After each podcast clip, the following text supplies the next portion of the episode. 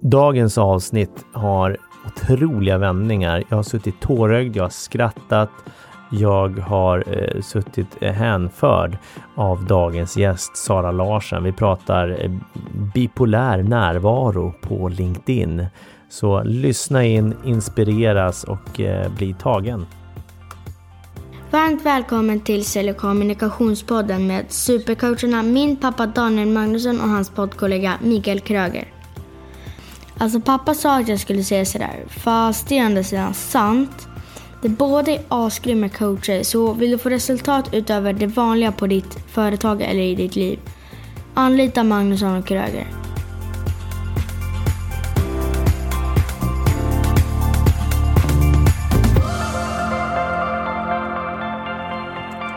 Du lyssnar på Sälj och kommunikationspodden med Magnusson och Kröger och idag i studion så är jag, Magnusson, här själv.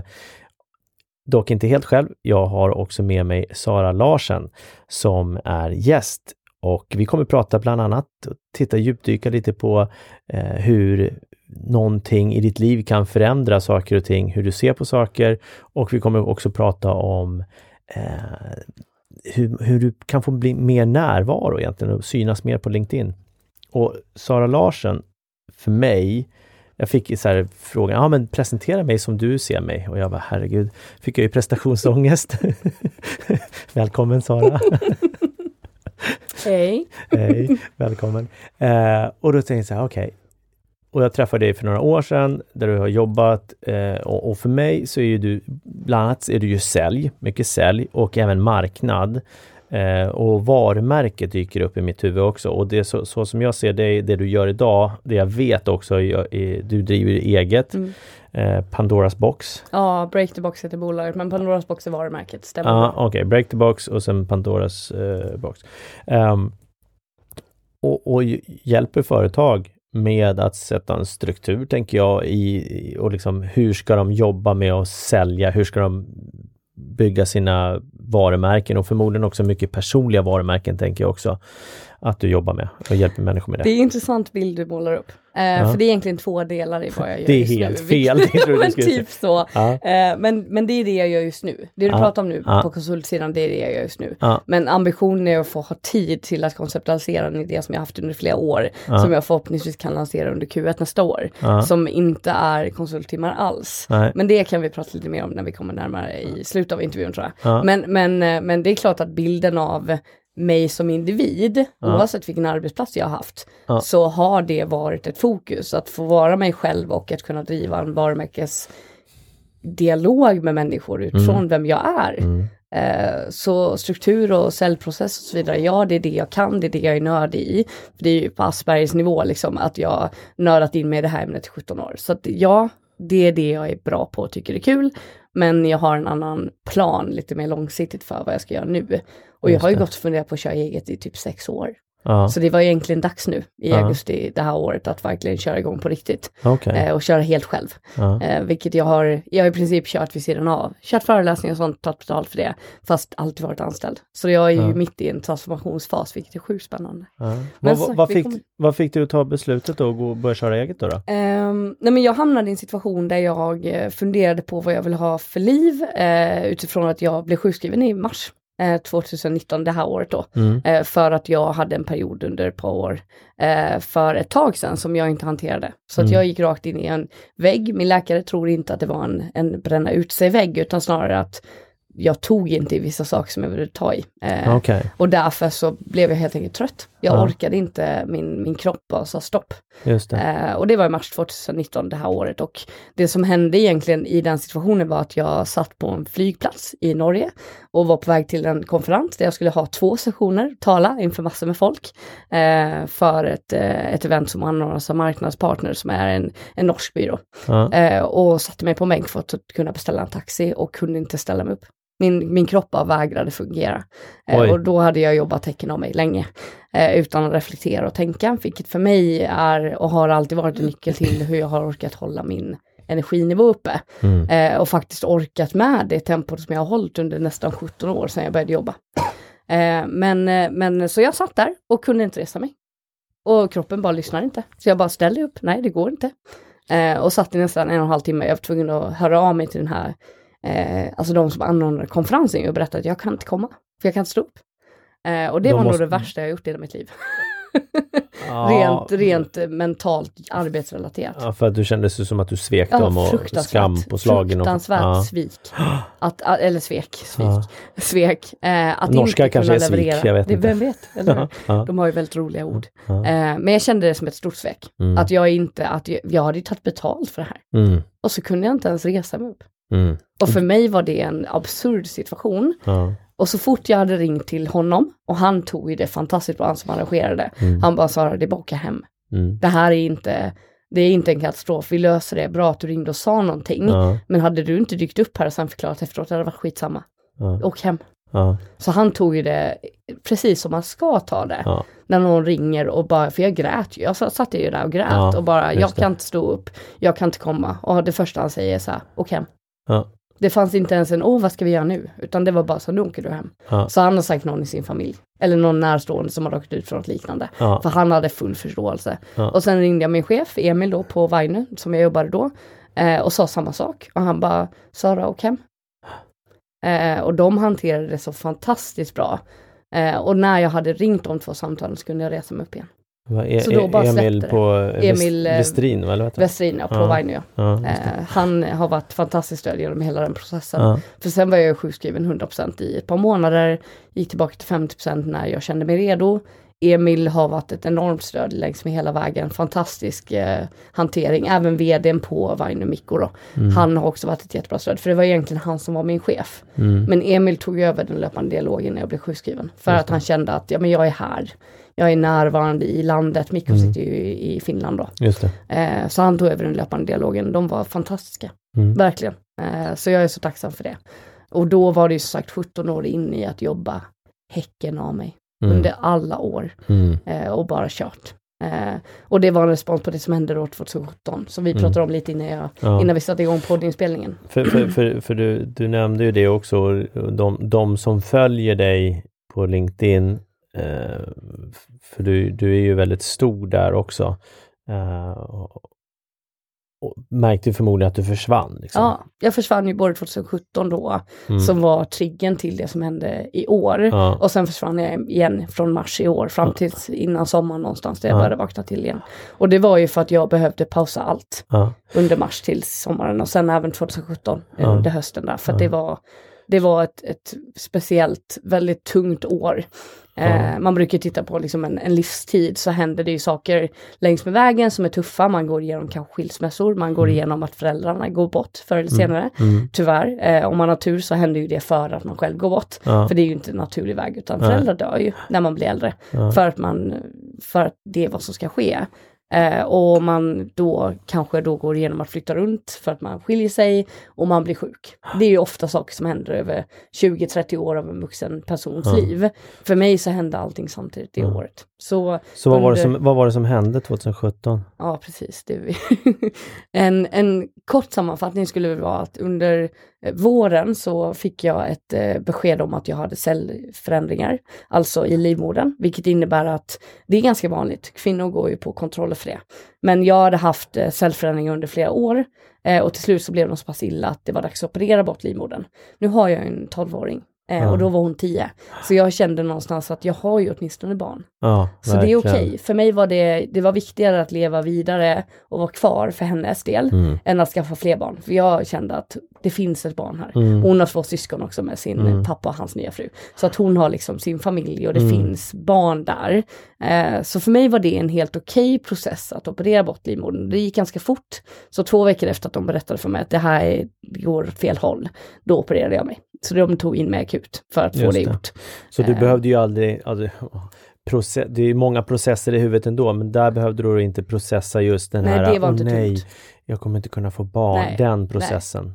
Ja, den kanske ju... dök upp ändå såklart. Nej, fast men det gjorde redan... den faktiskt inte. För jag, eftersom hon var, hon var tio och jag hade över flera år valt om och om igen att inte skaffa fler barn. Ja. Jag var klar ja. med barnskaffandet. Ja. För hon är en sån, hon var och är varenda år blir mer, mer och mer magiskt. Så att jag är nöjd med det. Eh, däremot så var jag orolig för just det här med syskon, men då hade hon ju som sagt via sin pappa och hans nya fru, ja. de, hon har ju syskon.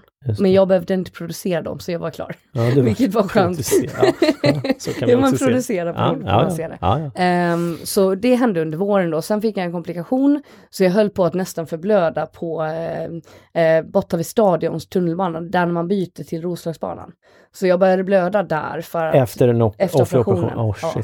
Eh, och låg på marken utanför, vad heter den stationen? Den här som är Ös vid... Östra eller? Östra station, precis. Ja. När man går upp från tunnelbanan ja. till tågen som går Roslagsbanan. Där så låg jag på marken för att jag kunde inte stå upp längre för jag höll på att svimma. Oh, och ringde ambulansen och ingen stannade. Det var en speciell situation. Folk bara gick förbi. Och jag låg och blödde, jag hade ljusa jeans på mig, det blödde igenom. Jag låg i en pool av blöd ja, i princip. Och, och, människor stannar inte. och vet, vet du vad det beror på?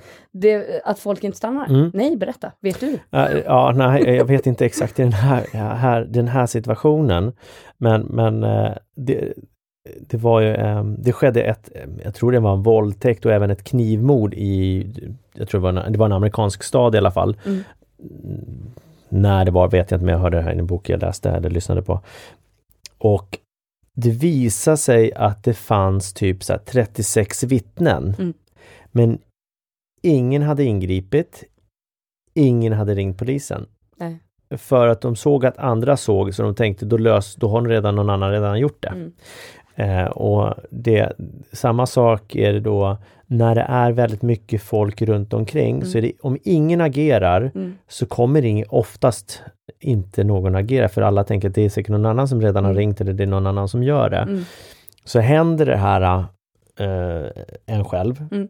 så behöver du titta på någon person och peka, jag behöver hjälp. Mm. För att trigga igång det där gruppbeteendet som då blir Precis. att fler hjälper till när en hjälper till. Ja. Och det kan säkert stämma. Problemet för mig just i den situationen det var att jag orkade knappt prata med ambulansen. Nej, för jag låg ju ner och höll på att dö precis. i princip av blodförlust. Så, så, så jag hade inte möjlighet. Mm. Eh, men däremot så tror jag, jag tror också att det finns en psykologisk aspekt i det hela som handlar om att folk ser vad de vill se. Mm. Alltså när man är van att gå, för det är ju en, det är en pendlingssituation. Mm. Man är van att gå från tunnelbanan upp till Roslagsbanan, för det här var ju på eftermiddagen. Mm. Och där, när man går förbi där, där jag låg, för jag låg precis längs med gatan. Mm. Så det var inte så att folk, att folk var i vägen för att ingen skulle se mig. Nej. Utan det var ju bara en lämmelström av mm. människor, Stockholm pendling. Och jag tror att de inte reflekterade, jag tror inte genuint att det var någon som bara, nej men det ligger några blödare så jag vill inte gå fram. Utan jag tror att folk inte såg med mobilen uppe ja. och bara i sig själva, i sin pendlingsstruktur som är att man kopplar bort. För ja. det är den enda liksom, lilla pausen man har till och från jobbet. Det är en paus ja. från allt. Eh, och jag tror inte folk såg mig. Nej. Nej, så kan det vara och, mm. och, just, och en del ser och säger oj, nej men det där, det där vill inte ja, jag ta i. och jag och kanske var... såg otvättad ut, jag vet inte. Ja. Men oavsett så var ja. det en ganska jobbig situation. Ja, herregud. Eh, att inse att, fast just då tänkte jag inte på det, för då nej. höll jag ju bara på att försöka ha koll på min mobil så jag kunde prata med ambulansen Precis. som kom. Reflektionen eh. är ju fortfarande efteråt blir ju lite sådär skrämmande. Helt absurt. Helt absurt. Eh, och sen så, jag tror också att jag är nog väldigt detaljorienterad. Så jag personligen har varit i situationer i Stockholm sedan jag flyttade hit 2004 där jag faktiskt har stannat och hjälpt folk. Ja. Vi hade ett, ett, exempel med en person som ramlade i tunnelbanan i Liljeholmen. Ja. Där jag var den enda som gick fram. Ja. Därför att hon slog i huvudet och jag trodde hon hade svimmat av. Och det är klart att man går fram då. Men jag såg det. Eh, och det kanske är en jag, jag, jag, har en reflektion kring mig själv som handlar om att det är en skyddsmekanism. Ja. För när jag växte upp så var jag tvungen att vara obs på människor runt mig för att jag hade inte den trygga uppväxten som många har haft som tur att ha. Ja. Utan jag hade en, en miljö som inte var, eh, där jag visste inte vem jag kom hem till. Ah. Så jag var tvungen att vara obs på detaljer hela tiden. Ah, okay. Och det, det gör ju att jag då nu, jag har haft fantastisk nytta av det nu, både ah. i säljyrket och som förälder och som människa. Eh, men jag tror att de flesta som växer upp i en miljö där de inte behöver titta sig omkring. De lär sig att inte titta sig omkring. Nej. Låter kanske konstigt men jag tror ja. att det är det. Så egentligen är det nog en skyddsmekanism tror jag, för ja. mig själv. Ja, och för de andra har eh, ett skyddsnät i form av ja. att de inte behöver, de känner sig trygga på något sätt. Och det är jättebra. Ja, ja, det är fantastiskt. Däremot men... så kan vi ju missa medmänniskor som behöver hjälp i det, det fallet. Det kan vara så, ja. helt klart. Var, var, var, var är du uppväxt någonstans? Där? I Älmhult. Ikea-land, du vet. Ja, Älmhult. Mm. Så Smålands eh, djupa skogar. Mm. Eh, och jobbade såklart på Ikea när jag sommarjobbade sådär när jag var mm. yngre. Mm. Eh, så därifrån kommer jag. Eh, men, och min mamma och jag bodde där själva. Eh, mm. min pappa var inte med i bilden eh, från att jag var tre, fyra år så jag kommer mm. inte riktigt ihåg det och sen så tog vi tillbaka kontakten när jag var eh, 18-19 mm. och då hade jag flyttat från mamma när jag var 16. Mm. För att inga av mina föräldrar var speciellt, eh, de hade väldigt lite verktyg för att vara bra föräldrar helt mm. enkelt. Mm. Så det handlade inte om att de inte ville ta hand om mig, det handlade om att de inte riktigt kunde. De mm. visste inte hur. Och det som sagt har jag haft väldigt stor nytta av som vuxen. Men det driver också en del beteenden som inte är själv eh, triggade utan som triggas av andra människor runt mig. Som inte alltid är så bra. Ja. Så det där är väldigt dubbelt. Ja, det, det, det där är intressanta reflektioner du gör och, och, kommentarer runt det hela också tänker jag. Just både hur, hur, hur ditt egna beteende triggas av andra utifrån. Eh, och sen just det här du säger om att de hade inte verktyg. För det är lätt att titta på utsidan när du tittar både utsidan när du tittar på dig själv blir ju svårt då, men, men när, när, du kanske själv reflekterar över att du har dålig, liksom, dålig förälder till exempel. Eller att du har föräldrar som kanske inte har eh, varit de bästa i föräldrarna. Då är det lätt att liksom gå in och döma dem mm. eh, och, och, för, för, deras eh, beteende. Mm. Och, och, det rättfärdigar ju inte såklart eh, deras beteenden. Däremot så kan det vara förklaringen att man, som du säger, de har inte haft de rätta verktygen. Och människor, enligt mig, gör alltid sitt bästa. Även utifrån om det, förutsättningarna. Utifrån förutsättningarna ja. och utifrån eh, vad de kan. Ja, vad de har i verktygslådan. Ja. För föräldrar är ju skapade av sina egna föräldrar. Mm. Och mina föräldrar hade inte blivit lärda hur man tog hand om människor på det sätt som Nej. de behövde för att kunna vara närvarande föräldrar. Bra eller dåligt, jag vill inte riktigt använda det begreppet. Nej. För det är så himla individuellt. Men, men för min del, jag gick runt och var väldigt bitter och arg på mina föräldrar väldigt ja. lång tid. Ja, det förstår och sen så 2017 då, på tal om det, om vi går tillbaka till ja. ämnet, ja. Så, så gick min mamma bort under augusti. Okay. Eh, samma år som, samma, samma tidpunkt som jag också då fick mitt cancerbesked nummer två. För när jag då opererade bort min livmoder, då fick jag en cancervariant nummer två. Och vad var det, det året. Vad, vad var den eh, Vaginal cancer. Så hade de inte opererat bort livmodern och jag inte hade fattat det beslutet, så hade de aldrig hittat variant nummer två. Ah. Och då hade det tagit livet av mig. Ah. Så då var det variant nummer två, samma, besked, samma besked. Beskedet kom samma vecka som min mamma gick bort. Ah. Eh, och då hade hon haft ALS, vid en fruktansvärd sjukdom under flera år. Det, Men den processen när hon blev sjuk startade igång min förlåtande och förståelseprocess för henne, hur hon var och hur hon tar hand om mig. Så det var en fantastisk möjlighet att hon inte gick bort som min pappa gjorde av en hjärnblödning på, du vet, ögonblicket. Utan jag fick tid att förlåta henne och gå vidare. Mm. Så att när hon gick bort så var jag inte arg längre. Nej. Och det var en process i sig. Ja. Men eftersom det då hände under samma vecka som jag fick besked nummer två om cancer, så var 2017 ett tufft år. Det var också året som jag skilde mig i mitten av sommaren där. Så det var ju en, en, en väldigt lång ett väldigt långt år på många mm. sätt. Ehm, men samtidigt så när jag tittar tillbaka nu så hade de inte opererat bort med livmodern på mig så hade de inte hittat den andra varianten. Så allting ledde till positiva saker mm. egentligen. Men att gå in i strålljusbehandling samma vecka då som jag fick reda på att min mamma hade gått bort. Eh, och eh, både ehm, eh, tappa hår, gå ner i vikt, inte kunna äta samtidigt som jag jobbade häcken av mig för jag ville inte ta i problemet som mm. var att jag kanske dör. Jag berättade inte för min dotter. Så hon visste inte om det förrän ett halvår efter jag blev friskförklarad för jag ville inte lägga det på henne samtidigt som hon hade gått igenom då både skilsmässa, mm. för det påverkar henne såklart jättemycket och att hennes mormor hade gått bort. Mm. Så jag klarade liksom inte av, vad säger man till ett barn? Mamma kanske ska dö. Mm. Alltså jag vet inte ens hur man har det samtalet. Nej. Så jag sa till min läkare att jag vill inte, om du ser att saker är på väg åt fel håll.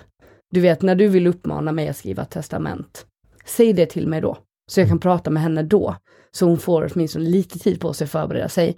Men innan dess vill inte jag säga någonting. Hon bara, du kommer aldrig kunna gå igenom den här behandlingen för den är så aggressiv. Utan att berätta för henne. Jag bara, jo då, det kan jag visst det. Mm. Och det gjorde jag. Mm. Mm. För det, det, jag tog hjälp av vänner som kom och lagade mat till oss och som tog hand om mig när jag mådde dåligt. Jag har ju henne varannan vecka och jag hade varannan vecka behandling. Så när jag inte hade henne då satt jag där och fick eh, cellgifter och strålningen och kräkandet och allt det där som följer med. Oh, eh, och sen varannan vecka så var jag med henne och fokuserade på det.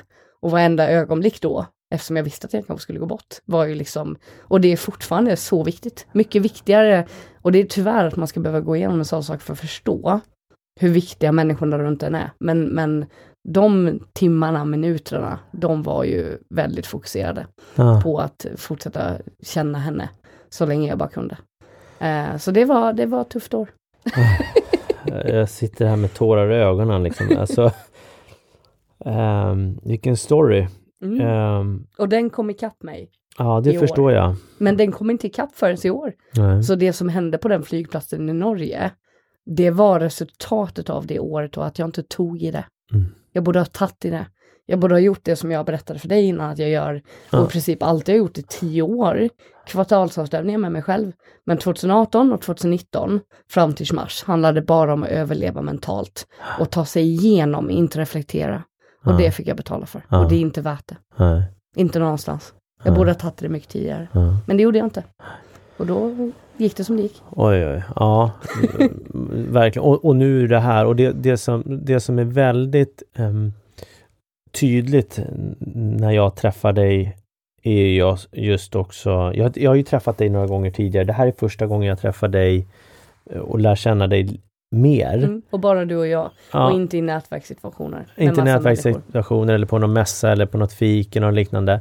Um, så din autenticitet mm. eh, kommer fram på ett helt annat sätt. Mm. Eh, och jag vet inte när vi träffades sist, men det var säkert innan ditt besked. Jag får en känsla av också att... Det var 2016 senast vi sågs. Fysiskt, ja. Ah, okay. För det, det är ett halvår innan jag gick in i mitt helger, som jag kallar det. Ah, ah. och det kommer jag ihåg, för det var på en, jag tror det var en mässa. För vi, vi gick aldrig och fikade, tror jag inte. Jag tror aldrig vi har suttit på Nej, men vi har, stött, nej, vi har stött, på varandra på, något, på ett fik. Men, jag vet att vi... men vi har inte suttit ner och pratat. Nej, så det var 2016. Eh, vi, och det var på någon så här personalmässa ja. eller liknande. Ja, det kommer jag ihåg. Mm. Ja, jag träffade dig och någon kollega när du jobbade för något företag där. Uh, ja, du ser. Och, och då tänker jag så här, för, det, för det, det som, som jag upplever dig nu och hur jag upplevde dig då. Det, för mig är det till viss del, nu ska jag vara väldigt autentisk och öppen här. Ja, uh, så kände jag så här att du var väldigt tillbakahållen förut det var så jag upplevde dig. Mm. Uh, Avstängd kallas det. jo men det är det. Ja. Jag hade ett möte med Fredrik Steinholtz igår mm -hmm. och han sa samma sak. Mm. Du var bortkopplad då. Nu är mm. du här. Mm. Ja men så, så kan det vara. Uh, och, och, vad det beror på det vet vi inte. Men, men där, att du är här nu är väl förmodligen att under de här åren sen i våras, allt, du har ju förmodligen processat väldigt mycket. Enormt mycket. Ja. Uh, och vilket gör ju som att du och för mig så, du representerar ju driv också. Mm. Slår man upp en ordbok till att man på driv så är det förmodligen en bild på dig där. För att, eh, och pannben också med tanke på att du jobbade då som du gjorde mm. trots den här svåra sjukdomen. Det kallas sjukdomen. inte pannben, det kallas ja. bipolaritet. Ja. Där har vi det. Ja. Därför att det var en sak som de började utreda när jag gick in i väggen då, eller vad man ska kalla det. Nu gör jag citationstecken men ingen ser det. Men som ni vet, det är det jag gör. Eh, så att gå in i väggen var egentligen inte det som hände, utan det som hände enligt min läkare var att eh, jag hade haft en manisk period i typ 17 år. Aha, som äntligen rasade samman för att, och äntligen säger jag, för jag är tacksam för det nu, som äntligen rasade samman i någon typ av dipp. Ja. För bipolaritet handlar ju om att man har maniska eller helt fruktansvärt mörka dippar. Mm. Så antingen är man manisk och då är man extremt aktiv, extremt driven. För jag vill bara förtydliga att det mm. är inte ett naturligt läge. Nej. Människor är i normala fall inte som jag är. Och det finns en diagnos för vad jag är. Mm. Och mm. det är det de håller på att landa i nu. Och nu, ja. nu så, och jag är glad som sagt att det hände i mars. Därför att annars hade jag inte, jag hade inte taggat ner Nej. på flera år till. Det hade tagit längre tid att komma fram till att vänta nu, det här är inte normalt. och det här kan jag bearbeta och hantera om jag vet om det. Så enligt min läkare så finns det olika skalor för det här, hur man är, hur funktionerande man är. Jag är väldigt funktionsduglig i, min, i min diagnos, eh, men, men det fanns en anledning till att jag under flera år innan jag blev sjuk hade helger där jag bara sov. Ja. En hel helg. 48 timmar i sträck. Ja. För att en manisk period dippade. Ja. Och sen så kom den tillbaka på måndag. Just det. Så det är inte ett normalt läge att Nej. jobba så mycket som jag har gjort. Nej, Eller verkligen, verkligen inte. är inte som det ska vara. Mm. Mm. Och det är ju, jag har ju alltid trott att jag har haft en diagnos typ ADHD. Mm. Och aldrig känt mig manad att utreda det för att jag kände att jag älskar ju hur jag är. Mm. Och det gör jag fortfarande, jag tycker mm. om hur jag är. Men jag har fått frågor från kunder med ADHD-barn till exempel. Bara, mm. Sara, har du? Är du ADHD? Liksom, är, är så här, det känns som att du har en energi som är så. Mm. För att de har sett det i sina familjemedlemmar eller barn och så vidare. Mm. Och jag har alltid bara sagt, ja det har jag säkert. Mm. Och jag har levt med den Precis. idén. Ja. Men bipolaritet, vilket jag också tror min mamma hade odiagnostiserat, vilket var en av verktygsbristerna i mm. hennes föräldraskap. Mm. Eh, hon var mycket mindre funktionerande än vad jag var. Så hon, hade, hon kunde aldrig vara där som man kanske vill, som hon säkert ville. Vilket är också en anledning till att jag inte är arg Nej. eller ledsen över det längre, utan jag förstår henne. Sen har jag alltid varit en förälder som har gjort mycket mer än vad som är rimligt för att inte vara min mamma mot Just min dotter. Ja. Så det, det blir att du lärorikt. motverkar ju, du kompenserar, ja, överkompenserar. överkompenserar. Mm, mm. Så relationen jag har till min dotter nu är fantastisk. Mm. Den är magisk mm. och för mig så även andra människor ser det och kan kommentera att ni verkar vara så nära. Mm. Och jag har gett henne allting som jag inte fick. Mm. Så egentligen hade jag inte växt upp med en förälder som var som min mamma var. Då hade jag inte varit lika bra förälder själv. Och det här med att se dem de delarna, hur fantastiskt värdefullt det är nu i efterhand. Samma sak som 2017. Jag lärde mig enormt mycket om mig själv. Jag blev mm. en bättre människa på grund av de här då, eh, som man skulle kunna se som kriser i livet. Mm. Och jag är så tacksam för det. Mm. Och nu blir det reklampaus.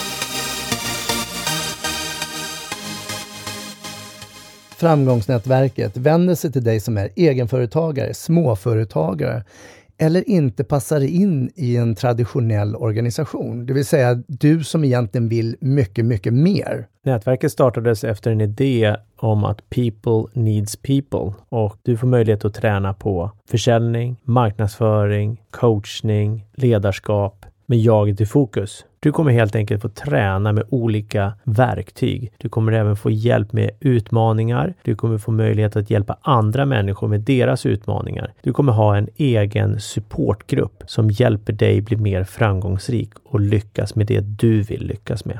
Och det här gör vi genom att träffas kontinuerligt. Den andra måndagen i ny månad mellan klockan 14 och 17. Så du får nio stycken träffar. Du får också AV, after work, efter träffarna. Du får en sommarlunch, en julmiddag, en gåva och en bok. Föreställ dig att du är en del av en grupp som är fylld av kärlek och värme, där alla är likasinnade och vill framåt, utvecklas i sitt egna självledarskap. Där du efter en träff går fylld av energi, har nya tankar och nya idéer som gör att du kommer lyckas ännu bättre. Det är ett av skälen till varför vi startade Framgångsnätverket. Priset är 16 900 kronor för ett års medlemskap. Just nu under hösten så erbjuder vi 15% rabatt. Så ditt pris nu är 14 365 kronor för att vara med i nätverket för 2020. Jag vet att du är nyfiken och vill veta mer. Du vill helt enkelt komma och besöka oss på en av träffarna. Hör av dig på vår mejl info at framgångsnätverket.se. Skippa prickarna.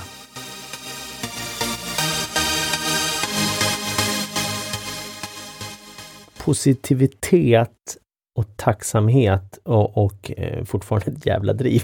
Det är så jag ser dig, mm. skulle jag säga. Mm. Eh, och, och sen också när, väldigt kommunikativ är du ju.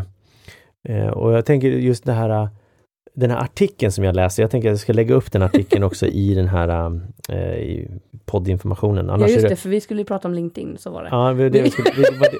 Förlåt, jag bara tog över hela min livshistoria här. Men, ja, men, kör LinkedIn-artikeln. Men, men, jag älskar det, för, för, att jag vill ha djupet, för det är det här, det, det är nu vi får lära känna dig. Mm. Eh, jag får lära känna och lyssnarna får lära känna dig också och får en story. Och jag tänker, det går alltid att ta med sig någonting från det och jag tänker så här, ja, eh, som du då eh, nämnde tidigare, eh, att du lever. Ja. Det finns, det, det, och det finns så mycket att vara tacksam för. Ja. Och en del av det som jag tror många tycker att jag är bra på på LinkedIn, det är att vara mig själv. Ja. Och det här har bara förstärkt, de här processerna har bara förstärkt hur öppen jag är med vem ja. jag är. Eh, och det har varit en process. Mm. För när jag började jobba med LinkedIn som kanal, mm. då var det ju för att jag blev eh, min VD och då min exman också, mm. by the way. Han, han som jag skilde mig från 2017, han eh, sa till mig att jag skulle köra en social selling-kurs. När jag började på byrån som jag var på, social då är det. Selling-kurs. Social ja. selling-kurs.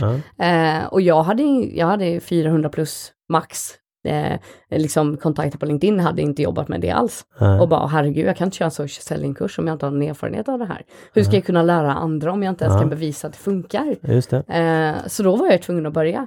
Så då satte jag upp en rutin och sen så började jag jobba med den. Och ju mer genuin om mig själv jag har varit genom, genom åren, desto bättre effekt har jag fått. Mm. Ju mer öppen jag har varit. Jag la ju upp en bild när jag blev sjuk och började tappa hår, så la jag upp en bild. För jag hade inte varit aktiv på LinkedIn på flera månader då, för jag orkade inte under den processen som, mm, som säljbehandling och så vidare, cellgiftsbehandling och det pågick. Eh, så la jag upp en bild med där jag hade tappat hår i handfatet. Alltså det var, det var hår i hela handfatet. Ja. Jag la upp en bild på det på LinkedIn och skrev, det här är anledningen till att jag inte är här just nu. Det här är vad som har hänt mig. Ja. Det är en sjukdom, det här är liksom processen och det här är hur jag känner i det. För att förklara för människor varför det hade varit tyst för mig, mm. från mig i flera månader. Och jag det är den mest sedda delningen som jag någonsin har gjort. Och den mm. mest kommenterade. Och människor bara, min syster har det, eh, min, mm. min dotter har haft det, min, min eh, morfar dog i det, jag har själv det. Mm. Och gensvaret var massivt. Massivt. Därför att det är ingen som pratar om de här sakerna. Så för mig har genuiniteten vuxit fram. Inte för att jag inte alltid har varit i samtal med människor i verkliga livet. Mm. För jag har, jag kom ju till exempel in i klimakteriet när jag opererar bort livmodern. För det mm. händer ju för att man stänger ju av all hormonproduktion egentligen som sker när man är kvinna. Och det kommer i normala fall när man är 55-60 år. Så, så jag mm. fick det nu, 36 år snart gammal. Mm. Eh, vilket det ju innebär bland annat vallningar. Så jag har ju suttit i möten de senaste månaderna och på riktigt droppat på bordet framför mig. Mm. För att svettningarna gör att jag bara plötsligt börjar svettas som en gris. Liksom. Mm. Alltså det är så mycket svett. Mm. Eh, och suttit och droppat framför folk i möten och då direkt sagt, det är för att det här har hänt. Mm. Och ursäkta, jag måste gå ut och torka av mig ja. med pappersservetter ja. typ i ansiktet och de bara, ja men vi förstår. Ja. Och plötsligt så blir den dialogen blir helt annorlunda. Dynamiken i rummet skiftar helt när jag berättar varför jag plötsligt läcker på bordet liksom, på grund av det som har hänt. Eh, därför att plötsligt så delar man en bit av sig själv som människor i normala fall inte gör. Mm. Och mod, modet att göra det för mig är någonting som jag drivs av att hjälpa andra människor att utveckla. Våga vara det själv. Och det kan man applicera i fysiska möten, ja. i webbmöten, i LinkedIn-interaktioner, i allting. Våga vara det själv. Och du sa det själv innan vi började podden, då sa du så här, jag, jag skriver på talspråk. Mm. Eh, du sa det innan att ja, men när jag skriver någonting så mm. tänker jag och sen mm. så skriver jag det jag tänker. Mm. Och väldigt många gör inte det utan de sitter och filar på en delning på LinkedIn i text mm. i, du vet, en halvtimme. Vad är det jag egentligen vill säga? Mm. Istället för att bara säga det högt och sen skriva ner vad man säger. Ja. För det är precis det som ger, gör att det blir din tonalitet, vem du är. Skitviktig del i att våga komma igång och aktivera sig. Och det var väl artikeln du pratade om innan? Ja, eller? den här som du hade, den här chatten du hade ja. med den med med en, en amerikanare va? Ja, Kellen ja, ja precis. Ja. Mm som connectade med dig eller ni connectade via ja, LinkedIn? Ja, han connectade med mig och jag började prata med honom. Eh, en, och det här var och du skriver liksom. en kväll? Ja, en kväll liksom. Jag, jag hade ingenting att göra. Uh -huh. Jag ligger vaken och jag kan inte, jag kan inte sova så jag kan ligga och chatta, chatta lite med folk på LinkedIn. Uh -huh. Började prata med honom och fick igång en dialog som när jag läste den efteråt så bara det är det här folk pratar om uh -huh. med mig. För så här gör jag jämt. Ja. Jag försöker alltid hjälpa till om jag kan. Precis. Eh, så det var en intressant dialog och sådana har jag många av. Ja. Och det var ju den dialogen som resulterade i den här artikeln ja. och du delar ju både den chatten med ja. honom och så vidare efter mm. godkännande som du har skrivit också. eh, så vad, vad, om du skulle berätta om den då, vad liksom mm. poängen med den artikeln? Men poängen är ju att försöka hitta sig själv i de här interaktionerna i digitala kanaler. Mm. För väldigt många som är väldigt duktiga på fysiska interaktioner, nu sitter vi bredvid varandra, mm. vi ser mm. varandra. Eh, och den typen av interaktion är folk vana vid. Mm. Om man jobbar med sälj och marknad, speciellt sälj. Mm. mm. För man träffar så mycket människor, man går på så mycket möten. Man har gått igenom alla de här, så här ska du göra ett perfekt möte. Mm. Du har gått igenom den skolan, igen citationstecken som ingen ser, mm. den skolan.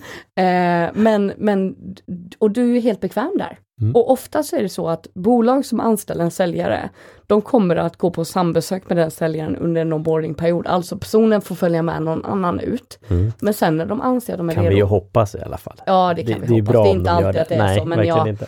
Men det är väl det man hoppas. Ja. Den personen får gå med och bli skolad av, igen citationstecken, alltså jag använder det för mycket när man inte ser mig. Men då, då, då, följer den personen med ut och så får den lära sig hur det ska gå till enligt mm. det här bolagets struktur. Och sen så skickar man iväg den här personen själv i möten. Mm. Men det är väldigt sällan, jag vet inte om du någonsin har stött på det, men ett, att ett bolag har en övervakare med en säljare ut som ska bevaka vad personen säger och gör i ett möte. Har du stött mm. på det någon gång? Eh, jag har själv följt med. Så, ja, så, fast följa med för mm. coaching mm. och feedback är en annan sak. Ja. Jag menar en polis för mm. det här bolaget som ska följa med oss till att du säger rätt saker.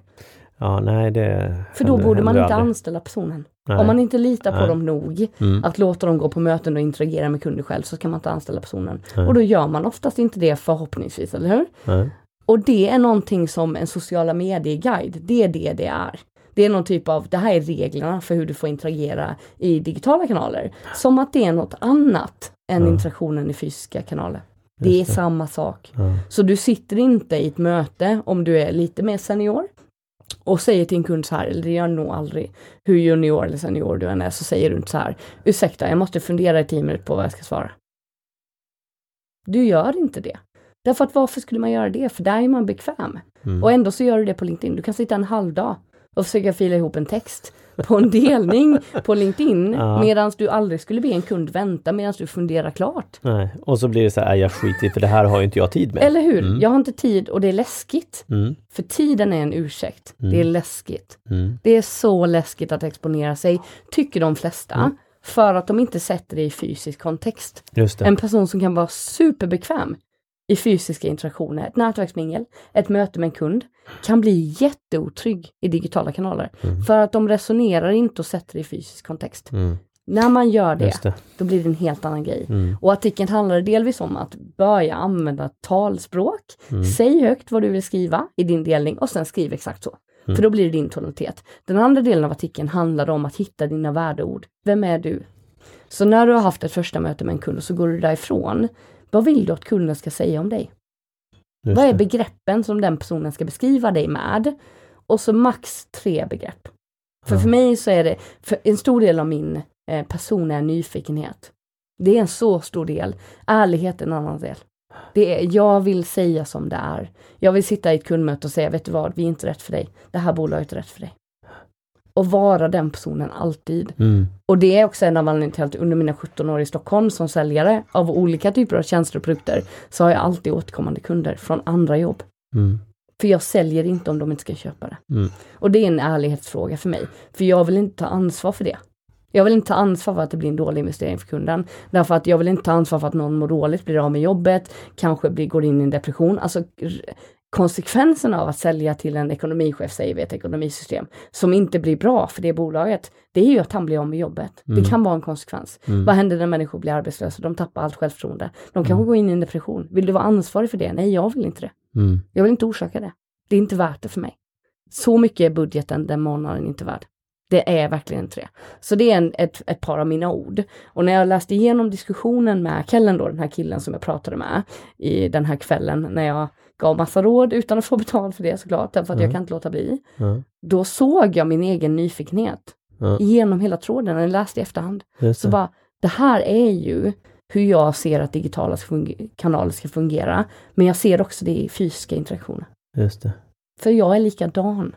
Och det är också en annan sak med det här med tonalitet och vara ärlig och vara sig själv och hitta de här begreppen om vem du vill vara. Eh, det kommer du ha nytta av även i interaktioner fysiskt. Det är samma grej. Verkligen, och jag, jag tänker också just att inte bara tänka så här, vad, hur, vad vill du att kunden eller kundmötet eller de du har interagerat med ska säga efter du har lämnat ut, utan det gäller ju egentligen alla. Ja, vad, vad säger du? alla interaktioner. när du inte är i rummet, vad vill du att de ska prata och säga om mm. dig då? Mm. Vilken jävla idiot! Ja. Det vill vi inte. Eller Nej, så kanske du vill man det. Kanske inte vill, man kanske inte heller vill hamna i en situation där folk inte pratar om det alls.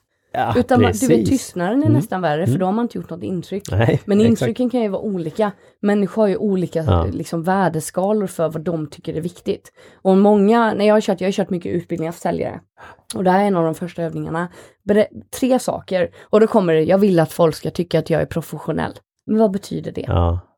På riktigt, vad betyder det? Professionell för mig, ja. det är lika med tråkig. Det är din bild, ja. Precis, och eller, det är så eller, olika. Eller, eller jag ska säga så här, eh, det, det, är förvridet, professionell. Eh, för mig, det var så tydligt för många år sedan, så vi var på en säljkurs, så skulle vi hålla presentationer och jag satt och gav feedback på alla som gjorde sina egna presentationer mm. i säljkursen. Mm. Och sen när jag skulle gå upp och göra min egen, mm. jag var ju så tråkig, mm. för jag var professionell och nu gör jag också situationstecken här i luften. så, och, och då var så här, vänta nu, och sen så kommer jag ju fram till att, men bara för att jag är professionell så behöver det inte vara att jag ska vara korrekt, stel, och inte vara mig själv. Men du tänker fyrkantigt när du tänker professionell. Och ja. det är inte samma sak som mm. det många av dem menade. Nej, Utan det de menade var att de ville uppfattas som, som kunniga. kunniga. Ja. ja. men då är frågeställningen bra, kunnig inom vad? Mm. För jag menar affärsmannaskap, jag såg en, en livesändning från Johan Åberg på Next Date om du vet vem det är, mm. men det vet du säkert, mm. de flesta känner ju till honom. LinkedIn är en sån liten ankdamm. Men, men han körde en livesändning i morse där han pratade om affärsmannaskap. Mm. Och för mig är det det har varit så många olika saker som har lagts i, den, i det begreppet genom åren. Mm. Men affärsmannaskap för mig handlar om att också igen vara ärlig. Jag ser den här problemställningen. Vi mm. ser den. Mm. Att inte sticka huvudet i sanden är affärsmannaskap. Har man läst Good to Great, den fantastiska husbibeln för mig, mm. den boken är helt magisk med Jim Collins. Den pratar om eh, att se verkligheten för vad den är. Mm. Där ledare, när de gör det, när de ser en anställd som är på väg in i alkoholism och tar det samtalet så tidigt som möjligt. När de ser en anställd som är på väg in i utbrändhet och tar det samtalet tidigt. När de har en dialog med en kund och berättar att vi är inte bästa valet. Alla de dialogerna grundar sig i att vara ärlig. Men för att kunna göra en professionell, ärlig bedömning så måste man kunna. Mm. Man måste ha kunnighet. Mm. i vissa ämnen, de ämnena man jobbar med. För mig igen på, på gränsen till diagnosläge, men, men jag nördar ju in mig i ämnen. Mm. Sälj och mm. marknadsföring har varit mina passioner. Därför att egentligen så är jag passionerad om psykologi. Mm. Det är det som är grunden till mitt intresse för marknad och kommunikation och sälj. Därför att det är psykologi rakt av. Beteendemönster, varför fattar människor beslut? Hur fattar de omedvetna och medvetna beslut? Vad är det som påverkar besluten? För mig har det varit grunden, så jag har läst enormt mycket material om det här. Jag har lyssnat på enormt många poddar. Jag har, jag har förkovrat mig i material under alla år. Mm om psykologi, människans hjärna. Och den fungerar fortfarande likadant som den gjorde för 17 år sedan, 100 år sedan, 200 år sedan. Därför är LinkedIn för mig enkelt, för det mm. handlar om människans funktion i sitt huvud. Det är mm. allt. Människor responderar fortfarande på samma sätt till ärlighet. De ger förtroende när de känner att någon är ärlig. De reagerar fortfarande positivt till att bli sedda, att känna sig hörda, att få frågor. Det är samma grej mm. som driver en eh, fysisk relation, alltså en interaktion med en potentiell kund i ett sånt här sammanhang som vi sitter nu, och en digital interaktion med en kund. Det är samma sak. Det så där, för mig är det här självklart. Ja. Det är så enkelt. Och det grundar sig också väldigt mycket till värderingar, hur, hur du värderar och hur du vill stå mm. också tänker jag. Mm. Vi, vi, har ett avsnitt, några avsnitt tillbaka där vi, där vi pratar just om värderingar också. Eh, både enkelt och svårt mm. faktiskt. Uh, och det blir lättare om man gör övningen som jag gav i artikeln. Uh, Vem är du? Börja fundera på det, börja reflektera precis. och börja exempelvis eftersom jag har noll filter, också säkert en diagnosproblematik, eh, och ställer alla frågor som jag bara vill så kan jag ju fråga kunder efteråt, okej okay, hur skulle du beskriva mig efter det här mötet? Mm. Jag kan ju fråga sånt. Mm. För jag är ju helt, och då kan man då gå tillbaka till igen tacksamhet för hur min föräldrar, mina föräldrar hanterade mig. Mm. Jag lärde mig inte filtrerna som alla andra människor har. Mm. Som man lär sig av sina föräldrar. Samhällsfilter lär man sig av föräldrar. Mm. Min dotter, hon är 12, hon kan fortfarande gå in i en tunnelbana på morgonen och säga God morgon allihopa. Hon har inga problem med det. Mm. För jag har lärt henne att inte lyssna på alla filter som läggs på en, för det är inte värt det. Mm. Det är en enorm styrka att våga göra det. Det finns inte en jäkel som någon som blir arg för det. Alla blir bara glada. Det kom mm. in en 12-åring och skitpigg och bara God morgon. Folk bara mm. garvar ju. Mm. Och varför skulle man då säga till henne Kysch. Så gör man inte. Nej. Varför? Ja. Och de filterlöshetsgrejerna är en del av min person och en styrka för mig. Och det hade jag aldrig, jag hade aldrig blivit så utan mina föräldrar. Nej. Så jag är tacksam för det med. Ja. Får, får, får, mig att tänka på när jag klev in i hissen i, i morse. Mm. Eh, det är typ fyra pers i hissen. Ja. Och så fyran, tänker jag kolla om det var någon som hade tryckt på fyran. Mm. Nej, okej, okay, så fick jag trycka på den. Ja, god morgon säger jag. Tystnad. I, ingen säger Obekvämt någonting. som ja. fan. Jag hade lurarna i öronen. Jag vet inte om de tänkte att jag pratade med någon annan men ja. Så kan det vara men jag mm. tror att det bara handlar om att man har lärt sig. Mm. Man har blivit upplärd att man säger inte hej till folk i hissar. Vad är det för fel på det människa? Ja. Eh, och jag lider liksom. inte ja. av de sakerna. Nej. Och det jag säger lider för jag tror att det står i vägen för väldigt många människor att bli väldigt mycket bättre än vad de kan, än vad de är idag. Ja, oh ja.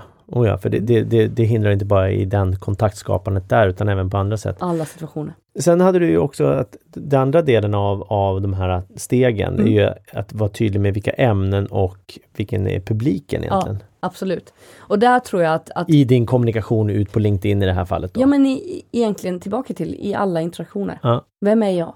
Vad har jag för expertområden och vad är jag passionerad om? Mm. För mig till exempel just nu så kör jag konsultlåda och då har jag, jag har ett nöjesprojekt, mm. alltså ett bolag som jag jobbar med bara för att det är så jävla kul. Mm. Och sen har jag ett par bolag som jag jobbar med där jag kan bidra med värde. Men jag är mm. inte alls lika pepp, älskande som jag är med det här bolaget som jobbar och det, det är ett gamingbolag. För mm. jag är gamer. Så jag mm. spelar dataspel. Tycker det är skitkul. Asnördig igen, jag är så nördig på så mycket saker. Um, och det, det är ett passionsprojekt som handlar om marknadsföring och sälj. De ska växa, skala, mm. det är ett startup i princip. Mm. Eh, och sjukt roligt att jobba med, därför att det är ju nära mitt eget intresse. Och för mig så är det så viktigt att få jobba med saker som jag älskar. Att gå och prata om en produkt eller en tjänst eller ett bolag, det är så kortsiktigt, för du kommer byta arbetsplatser. Du måste hitta dina passionsområden. Eh, Vad är det du älskar? Mm. Och om du jobbar med någonting som du inte tycker är speciellt kul nu, byt jobb. Mm. Byt jobb, på riktigt. Hitta någonting annat. Därför att du kan aldrig få den engagemangsnivån som jag har om du inte jobbar med saker du älskar. Jag har ju tackat nej till så många projekt. Mm. För att jag, jag vet att jag kommer inte bidra på den nivån jag vill. För jag tycker inte det är kul nog. Och jag har ju mm. haft turen att få jobba med min passion mm. i 17 år. Det är ren tur. Jag slank in på säljyrket på grund av min syster som är helt magisk. Hon är mycket, mycket äldre än vad jag är. Inte gammal by the way om du lyssnar sedan. Men hon är mycket, mycket äldre än vad jag är. Och hon var den som när jag kom till Stockholm som sa till mig att jag borde jobba med sälj. Ja. Och då var jag en extrem introvert och ja. väldigt blyg person. Ja. Och jag bara, jag kan inte jobba med sälj. Nej. Jag kan ju knappt någonting, jag vågar inte det. Och sen så var jag, jag började jobba på Sats då om du, gymkedjan. Mm. Och så var jag på första onsiten, typ dag två onsite, att man till exempel går ut till en skola mm. och ställer sig och säljer gymkort på plats. Mm. Eller hur? Sjukt läskigt. Och jag bara stod där och bara, åh jag kommer dö. Så jag ringde min syster och bara, alltså jag kommer dö snart, jag tänker gå hem, jag skiter i det här. Hon bara, nu tar du på dig arbetskostymen och så bara kör du. Mm. Och sen kräktes jag typ en pappskål och sen gick jag ut och körde. Mm. Och då sålde vi, vi, sålde, vi slog rekord på hur många kort vi sålde. Men jag bara, på med den kostymen. Nu har jag växt i den kostymen, alltså den är en del av mig. Mm. Så jag är tillämpat extrovert nu. Eh, och trivs väldigt bra med det. Ja. Men fortfarande introvert inuti. Eh, och behöver min laddning. Men det som är intressant med det, det var att för mig så tände det en känsla av att jag kan hjälpa människor. Mm. Och det är min drivkraft. Att hjälpa människor eh, göra bättre ifrån sig på jobbet, att hjälpa människor fatta mer medvetna beslut.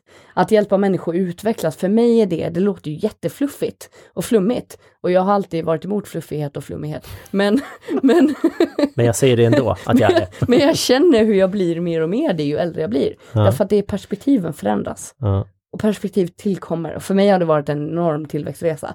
Men det är min ambition. Och med sälj så kan jag hjälpa människor. Med marknad kan jag hjälpa människor och jag gör det mycket på LinkedIn. Hela samtalet med Kellen, när killen jag pratade ja. med den där kvällen, ja. som blev artikeln. Det är ju jag som ger bort hjälp utan att göra ett skit annat än att bara ge det. Och för mig är det, det, är det mest uppfyllande som finns. Jag hade en, ett mentorskap när jag var på på Vagnus, så det var ungefär ett år sedan, med en kille som jobbade där. Och då så satte jag av tid för att hjälpa honom att utvecklas, för jag såg så jävla potential. Han var så grym. Mm. Han var så grym. Mm. Och så satte jag av tid, jag bara, men vi sätter oss efter jobbet var, var, varannan vecka, två gånger i veckan, och så bara jobbar vi igenom och så lär jag dig allt jag kan. Mm. Och han bara, men Sara, vad ger det här dig? Jag bara, Alltså det behöver inte ens ge mig någonting om 30 år. Men jag är ganska säker på att det kommer ge mig någonting om 30 år. Ja. Därför att du kommer gå ut i en karriär och vara awesome och du kommer komma ihåg mig. Men det är inte därför jag gör det utan det är för vad det ger mig nu. Mm. I sessionerna med dig nu. Mm. Och vad för gav det dig då? mig. Ja. Att prata högt om de här sakerna. Att se andra människor växa. Och jag tror att du kan förstå exakt vad jag menar. Ja. För coachingsamtal Det är ju en av de mest givande sakerna som finns. Mm. Och se någon eskalera sin tankegång mm. till utanför det de hade innan. Det är Precis. magiskt. Det är ja. magi. Mm. Och för mig är det så givande. Och för mig så är alla säljinteraktioner samma sak som det.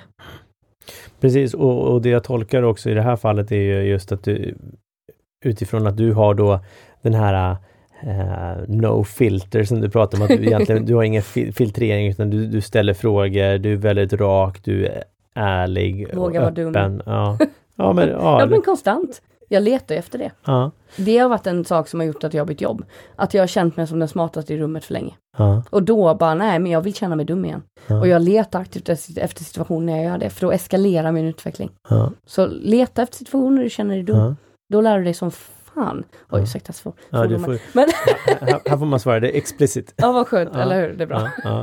Så eh, jag tänker vi ska börja runda av. ja. Ja, eller hur? Det är bra att du säger det, för ja. du vet ju att jag kan prata i tusen år. Ja, jag, jag är likadan och det är otroligt intressanta ämnen också och, och, och, och din, din story också, eller historia, din bakgrund. Mm. Och jag ser också så tydligt hur du då säger att du är introvert, hur du när du var då liten, när du då var tvungen att börja läsa in människor mm. och omgivningen. Mm. Det, det, är ju en, en typiskt introvert beteende. Mm vilket det sitter kvar. Och det är ju en fantastisk fördel du har idag. Ja, ja. nu ja. Mm. Magiskt är det. Mm. Och jag använder ordet magiskt ofta, jag vet, men det är för att det är så mycket som är magiskt. Ja, ja och, och, och återigen, där är ju också hur, hur, en omställning som du var med om 2017, mm. 2019 igen, hur det faktiskt gör att du ser saker och ting på ett helt annat perspektiv. Mm. Och varför ska vi vänta? Ja, mm. man ska inte vänta med någonting. Nej. Livet är nu, du kan bli påkörd imorgon, kör. Ja, kör, ha kul, mm. våga. Eh, så, och, så vad, vad, om du skulle ge några liksom tydliga tips då, så, vad, om, om man är då nyfiken på LinkedIn och vill synas mer, om du skulle räkna ihop typ till tre tips? Mm.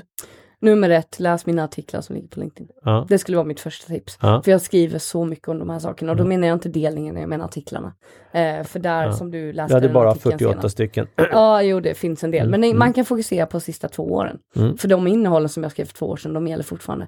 Igen, människans hjärna har inte ändrats. Nej. Det är bara kanalerna som har ändrats. Så du kan läsa en psykologibok.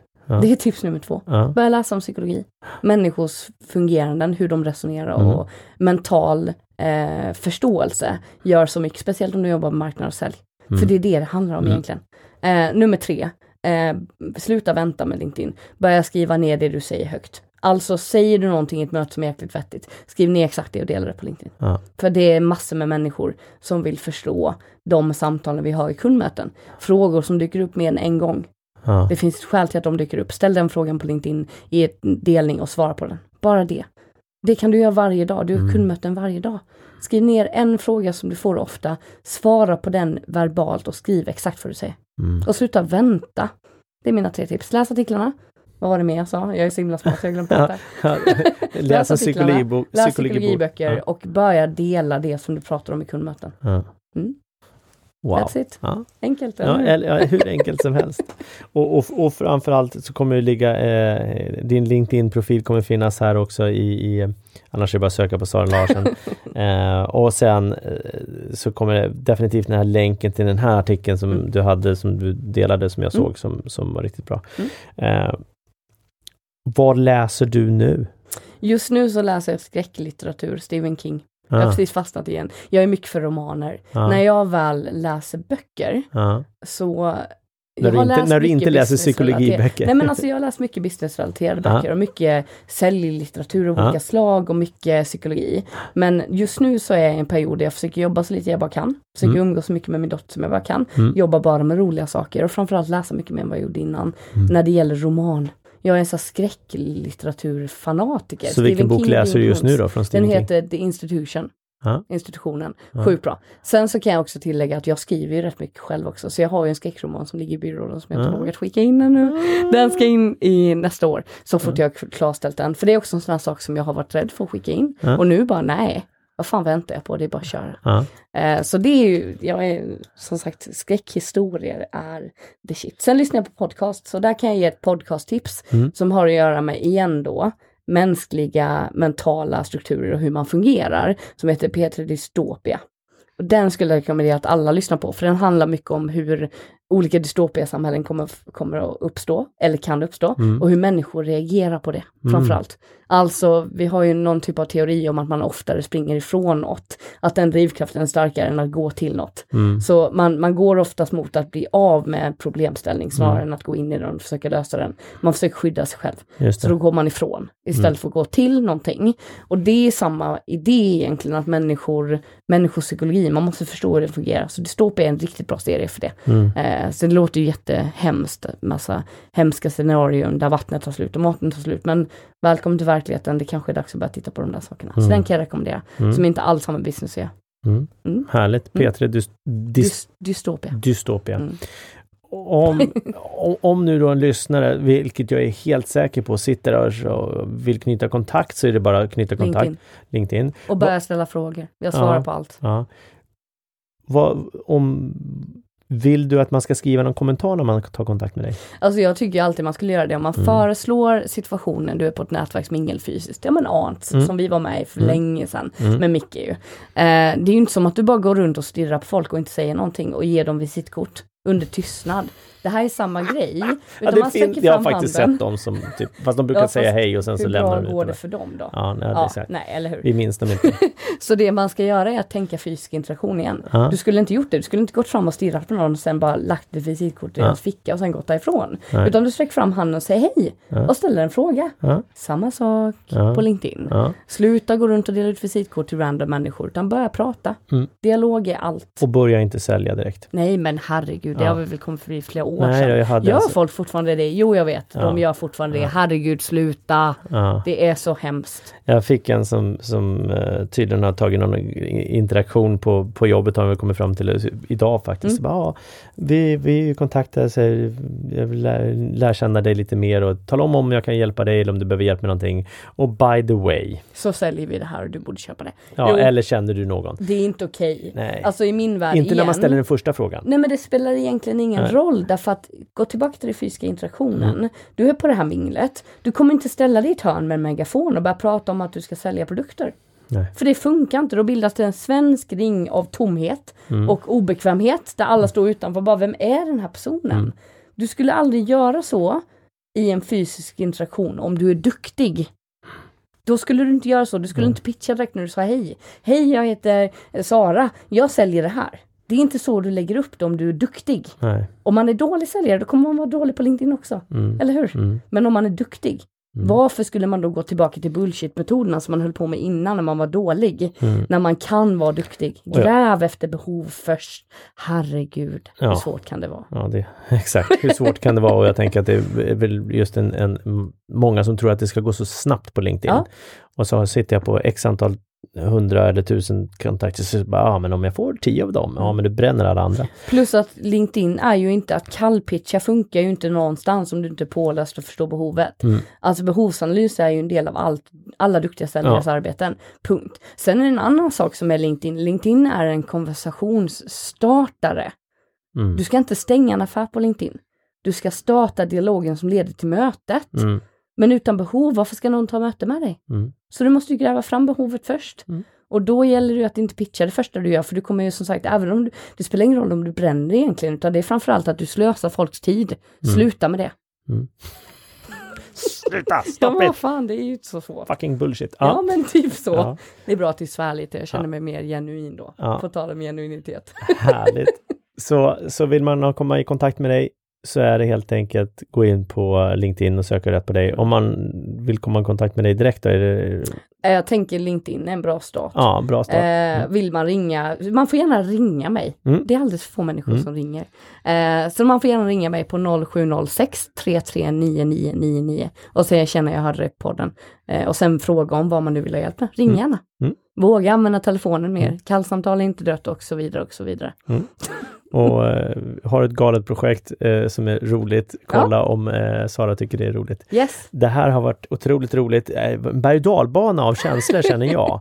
För det är både så här tungt, tårögd eh, och sen full energi. Mm. Eh, och, och, smetat med tips och idéer också. Tack snälla för att du var här Sara. Sjukt kul. Vad, vad är det för känsla du har i dig just nu?